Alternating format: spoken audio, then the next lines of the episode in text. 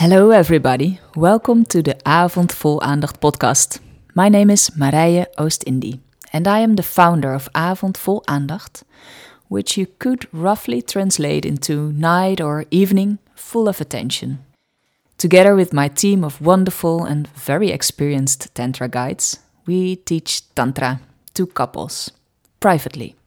In our sessions, you and your beloved will experience the wellness of Tantra in your relationship you will not only get an idea of what Tantra could do for the depth you experience in your contact, you will also receive very specific tools to take home with you. And you can use these to permanently enrich your intimate connection at home.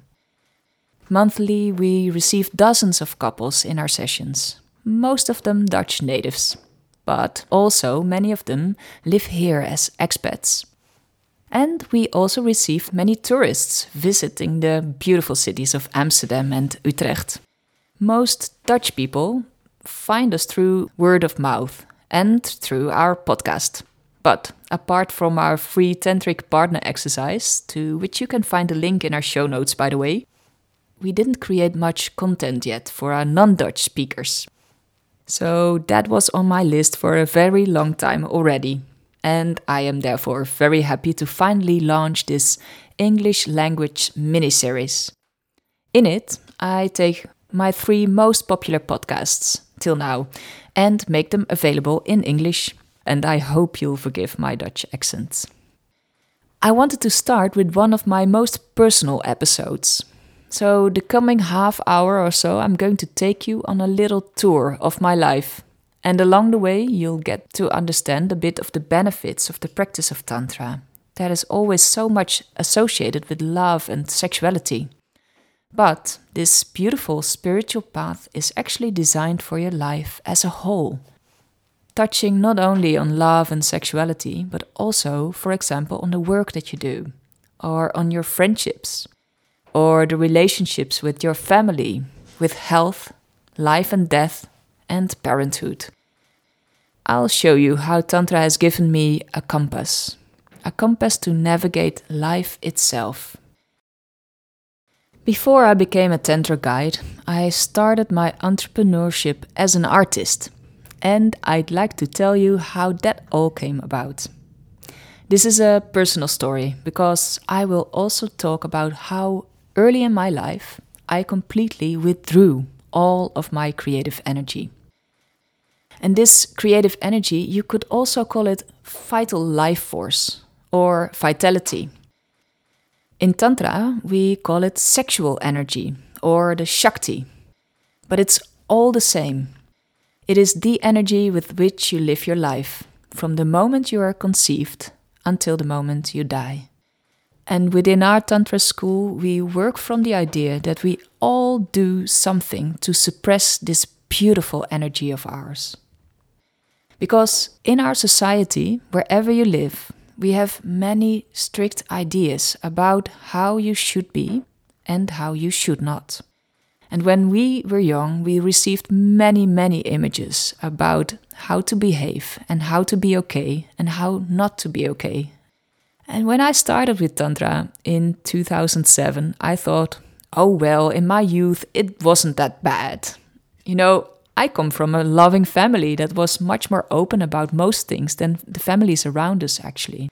And my parents are still together, for example, which is fantastic. But our culture in and around our family and our little Dutch village has left deep marks on me. So deep that I changed from an imaginative, sensual, active kid into a gloomy, depressed, sloppy, smoking youngster. I grew up in a scientifically oriented, atheist family. My parents came from the far north of Holland, a region called Groningen. And they settled in the middle of the Netherlands in a small village where they knew no one at the time. In this village, there were six churches for 7,000 inhabitants. Most of them were Protestant Christians. In our street, we lived in a large semi detached house standing out in a street that mainly consisted of very small workers' houses. Many more maladjusted types lived here. people who did not go to church. They were called the farmers, but were actually factory workers, truck drivers, or shop assistants. So, this little village consisted half of very strict normative Protestants and half of people who would call themselves farmers and who would actually also be very normative and strict. and we were an imported family that was so different that we didn't really belong to either side. We belonged nowhere. And I loved animals and everything that lived. But my neighbor, he shot the crows out of the trees in our garden with his shotgun. And children were, given a kick in the butt without care for who could see this. And there were huge, aggressive sheepdogs often running loose in our street, and they were raised as police dogs by our neighbors and taught to bite as hard as possible. When I grew up and became a teenager and wanted to have some fun, it turned out to be quite normal for people to get beaten up at the local dance hall on Saturday evenings. And you know, on Sunday morning, these people were back in church, praying as if nothing happened. When I cycled to the bus stop with my guitar on my back, I was shouted at. If I got good grades, I was that import study head. If I didn't want to kiss a boy, I was called a whore. In fact, my entire childhood, I was simply terrified of people. And as a child, you can only draw one conclusion, and this conclusion was there must be something very, very wrong with me. When I learned about the witch burnings that happened throughout the ages in our country, I was really convinced that if I would have been born only a few centuries earlier, I would have been burned at the stake. Now, in retrospect, I understand this was just a very, very unhappy place for me to grow up in. But many people I speak to have similar experiences. So it makes you wonder, right? How tolerant is our society for creative and sensitive people, and especially for kids? Because, like every child, I think, I was very sensitive. I think I maybe was in touch with this sensitivity just a little longer than most other kids from my village. Because if you are outright beaten or scolded by your parents, you will grow this thick layer of calluses to protect your soul even faster. In addition to being sensitive, I was also smart and creative. I could draw very well. I played the piano and I got good grades. But at that time, it felt more like a curse than as a gift. Because I received so many negative messages about that from those around me that I managed to suppress all of this energy, all of this free flow, with great difficulty, but with great success as well. And by the time I was 15, I had dropped from pre university education to general education by smoking so much marijuana that it blew my mind. I wore black sweaters with holes in them, and I only wanted to be and hang out with my numb friends in the gloomy attic that one of us lived in. I didn't comb my hair. I didn't care. You know, everybody could eat shit and die. I also couldn't imagine a real future for myself. A future in which I would be happy. I thought this is how life's going to be from now on. Because by that time, a thick layer of calluses had grown around me. So thick that later I came to speak about it as a castle wall. A thick wall that protected me from loneliness and pain. A wall that fenced me against the anxiety and bewilderment that I would otherwise experience most of the time. You know, and for this possibility in life, and it's a possibility that we all discover sooner or later, I am eternally grateful. I would not have known how to survive my youth without this wall. But it also greatly reduced the possibility of experiencing connection to myself and to others. The wall also reduced my possibility of experience all the goodness in the world, my possibilities to trust, to experience love and compassion. You know, and I surely couldn't feel gratitude None of that. Nowadays, we would call this state a depression. The World Health Organization predicts that depression will soon rush past heart and vascular diseases and will become public disease number one. A bad mood is so easily called a depression, but it is truly a terrible thing to experience. I totally lost my interest in life, and that at such a young age. It all became one big flat line, grey and boring and totally not worth it. Fortunately, that depressive period did not last long for me, because when I was 16, I was all of a sudden included in an inspiring group of friends. We made music together, and finally I found a place where my creativity was actually appreciated. I truly didn't know what happened to me. I was so happy. In the span of only one year, I blossomed from ugly duckling to gracious swan. I started wearing completely different clothes, clothes with color and flair. I dared to involve myself more and more in conversations. Sometimes I even dared to dance. When I turned 18, I went to art school, and that was absolutely heaven for me. There were 400 other searching and battered souls like me, and we worked hard, we created beautiful things, and we shared food and our lives with each other and we celebrated big time. Life was really good there. But then, when art school was finished, I thought, okay, now that was fun, but now I need to become an adult. I thought I had to do something really useful. And in doing so, I relegated everything I had learned to an unnecessary luxury. A beautiful dream, but not something you could reliably earn money with. And so I stored my painting materials in my parents' attic and I enrolled at the University of Groningen, back to my parents' roots, where I obtained my degree after a few years. A degree in, oh, whatever. Actually, it was just so very boring and completely uninteresting, if I'm honest. And then working life began, because after seven years of studying, now it was enough play. I had to earn money and I was lucky. I got a job that any 20 something with my background would envy. I ended up with a very well known photographer, Erwin Olaf, and around him I came into the Amsterdam gay and party scene. That was big fun. I organized his exhibitions, and after a while, I moved on to work at his gallery. And then I regularly flew to all kinds of art fairs in the most beautiful cities of Europe exactly what you want when you're 24, right? Well, yeah, it seemed like a lot of fun at first, but it soon started to bother me.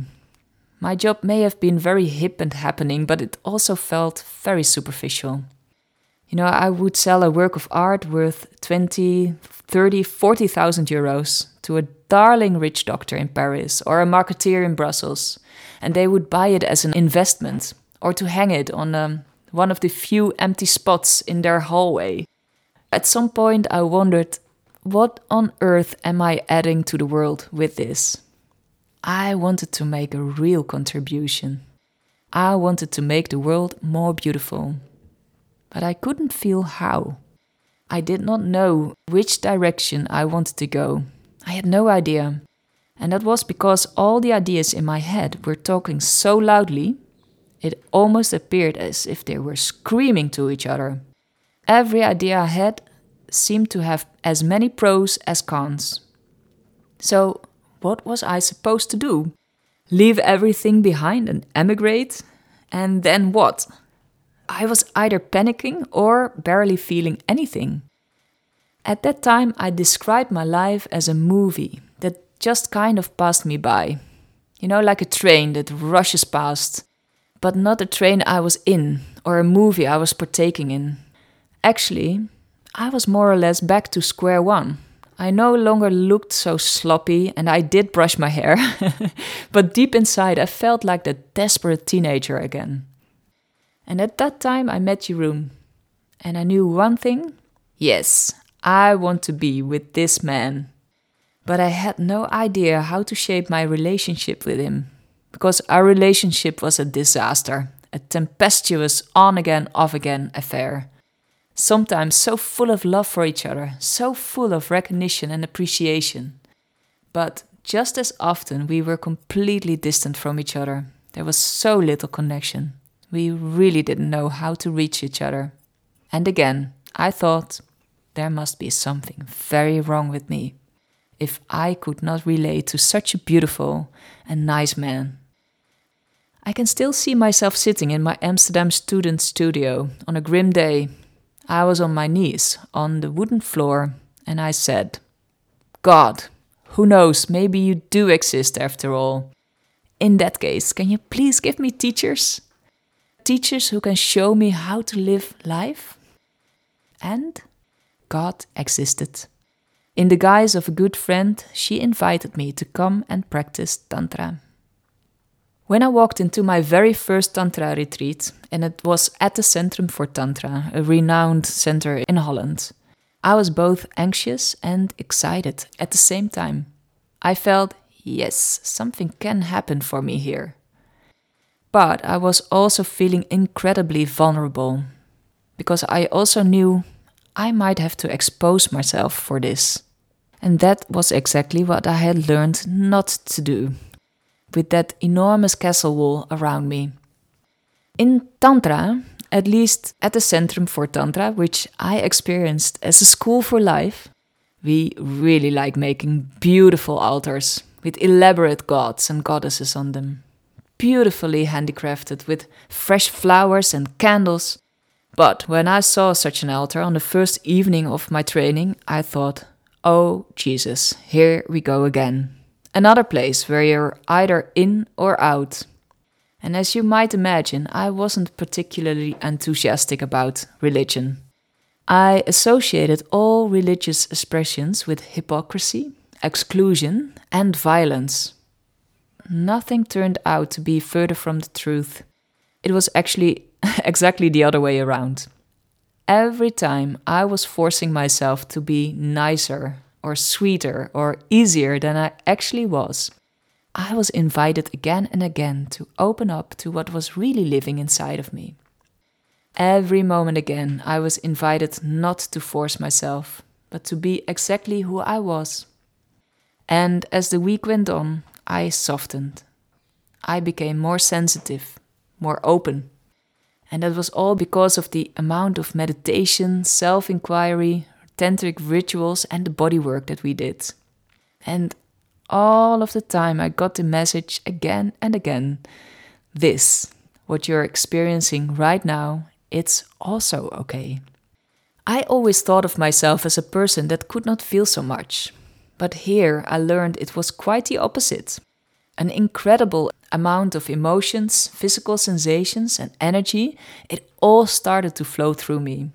And also, slowly it became clear to me that these abundant, precious gods and goddesses statues on the altar, they were not intended as gadgets, as look, we got the right tantric gadgets, show off.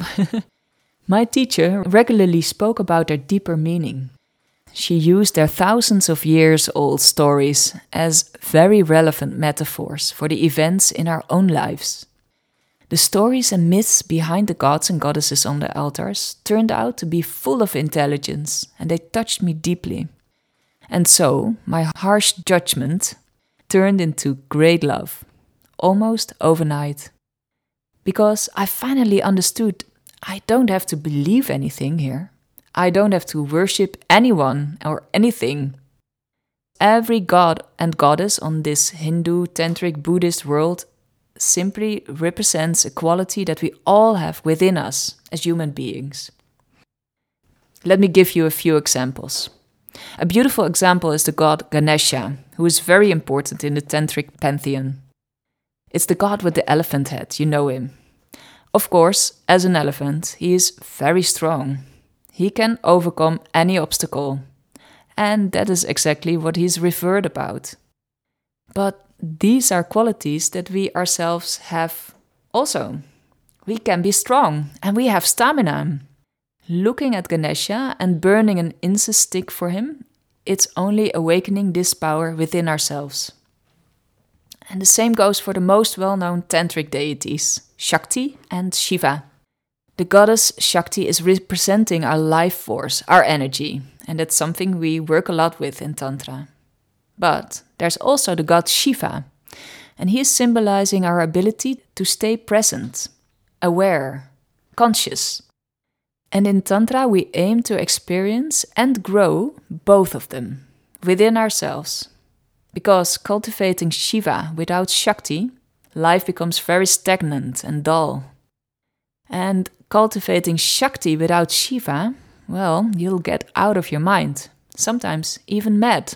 It used to be very normal for tantric practitioners. And that's why in tantric exercises it's very, very important to find a good teacher, because this truly happens also nowadays. We would call this a psychosis. In Tantra, we want to experience both Shakti and Shiva, and we can experience them in our bodies. So instead of us, humans, to be created in God's image, I gradually came to know the gods and goddesses as created in ours. Tantra brought me this deep experience and insight that I am God. You're God too, by the way. Everything is God. And though we can lose touch with that inner essence in the raw events of life, deep down we are still pure and intact, divine. Every single one of us. And these beautiful images of gods and goddesses are meant not to worship as something outside of us they're meant to remind ourselves that deep truth of inviolable essence. That's it. I also began to experience that beneath all that oppression within me, there was an inviolable core. I was completely whole. That was a fantastic discovery for me because since early childhood on, I was so convinced that there must be something fundamentally wrong with me. And by the way, even our ability to suppress our life energy and the truth of who we are, even this is part of the divine. It's not bad. It's very good that we all learn how to do this. Otherwise, you might not have survived your childhood. Each child is so sensitive, so open, and as a kid, you simply cannot deal with that pain of rejection, neglect, or loneliness that our society will give you. The main way to suppress your life energy is by creating tension in your body. And of course, that was the case with me too. And like most people, I didn't realize at first how tense I actually was. And maybe you maybe you recognize this. Whenever music was being played and people started to dance, which is a very common thing to do in tantra, I stood stiffly by the side I was a real wallflower. And I was shocked to see how frozen I felt, while everyone else seemed to be enjoying themselves on the dance floor. I desperately wanted to be that loose and that free. It took quite a few retreats for me to realize that that crippling shame I felt inside was my own shame. It wasn't really what others thought about me at that moment though it was what people used to think about me or say to me when I was young. That's true. But in this reality, in my adult world, it was so very different from the place I grew up in. So, after just this one retreat, my whole life felt completely different.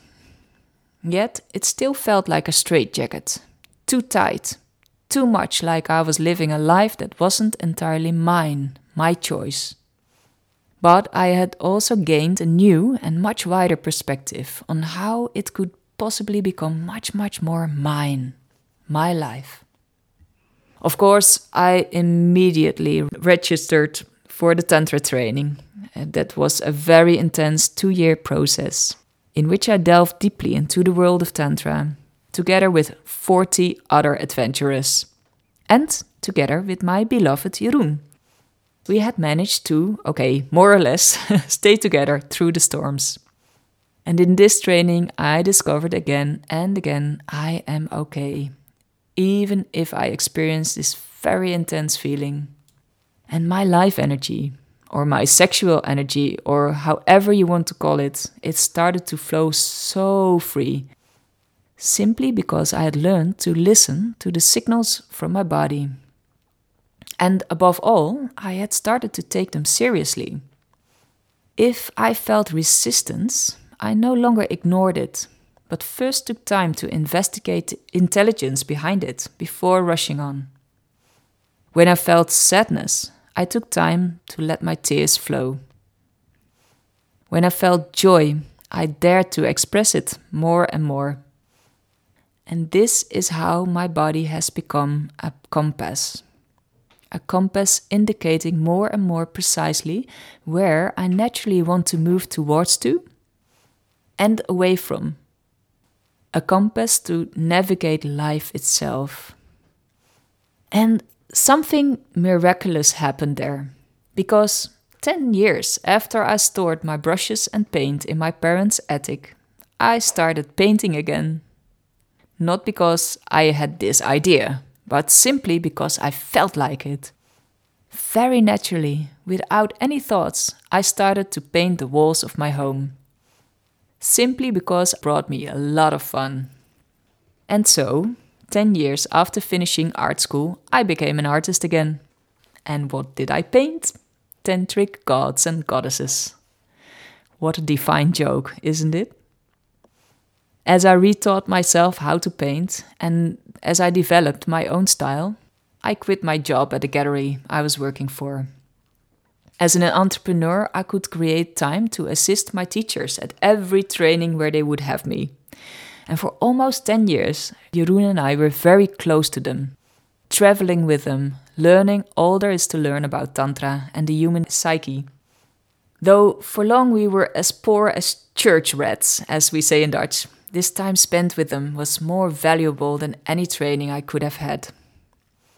At some point, I started teaching Tantra myself, and I still do. As well in this school that is founded by my teachers, the Centrum for Tantra, as for my own company, Avond Vol Aandacht.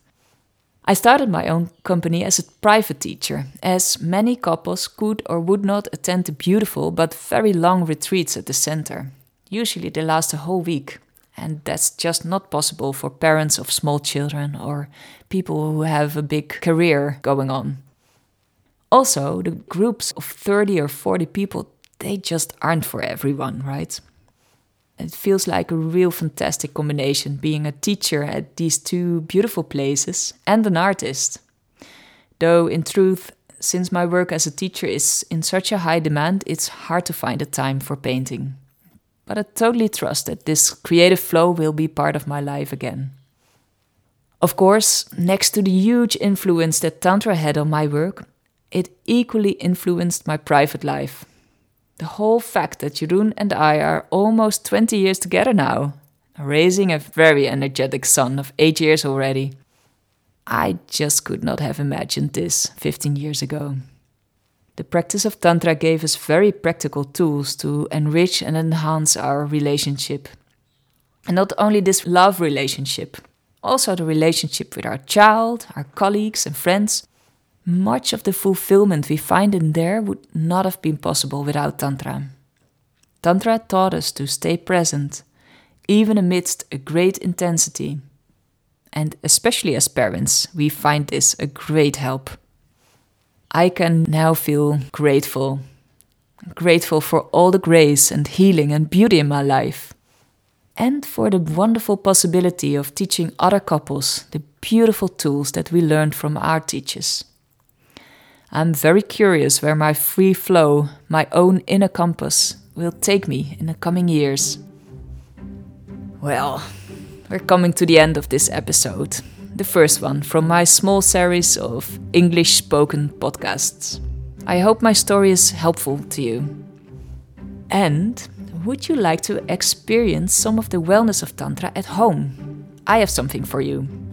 I created a beautiful Tantra exercise in which I take you and your beloved on a little adventure.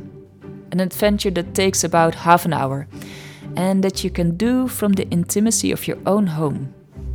You can download it for free at my website, where you find it highlighted in the upper menu of avondvolaandacht.nl. I wish you all the best in your life. Bye bye!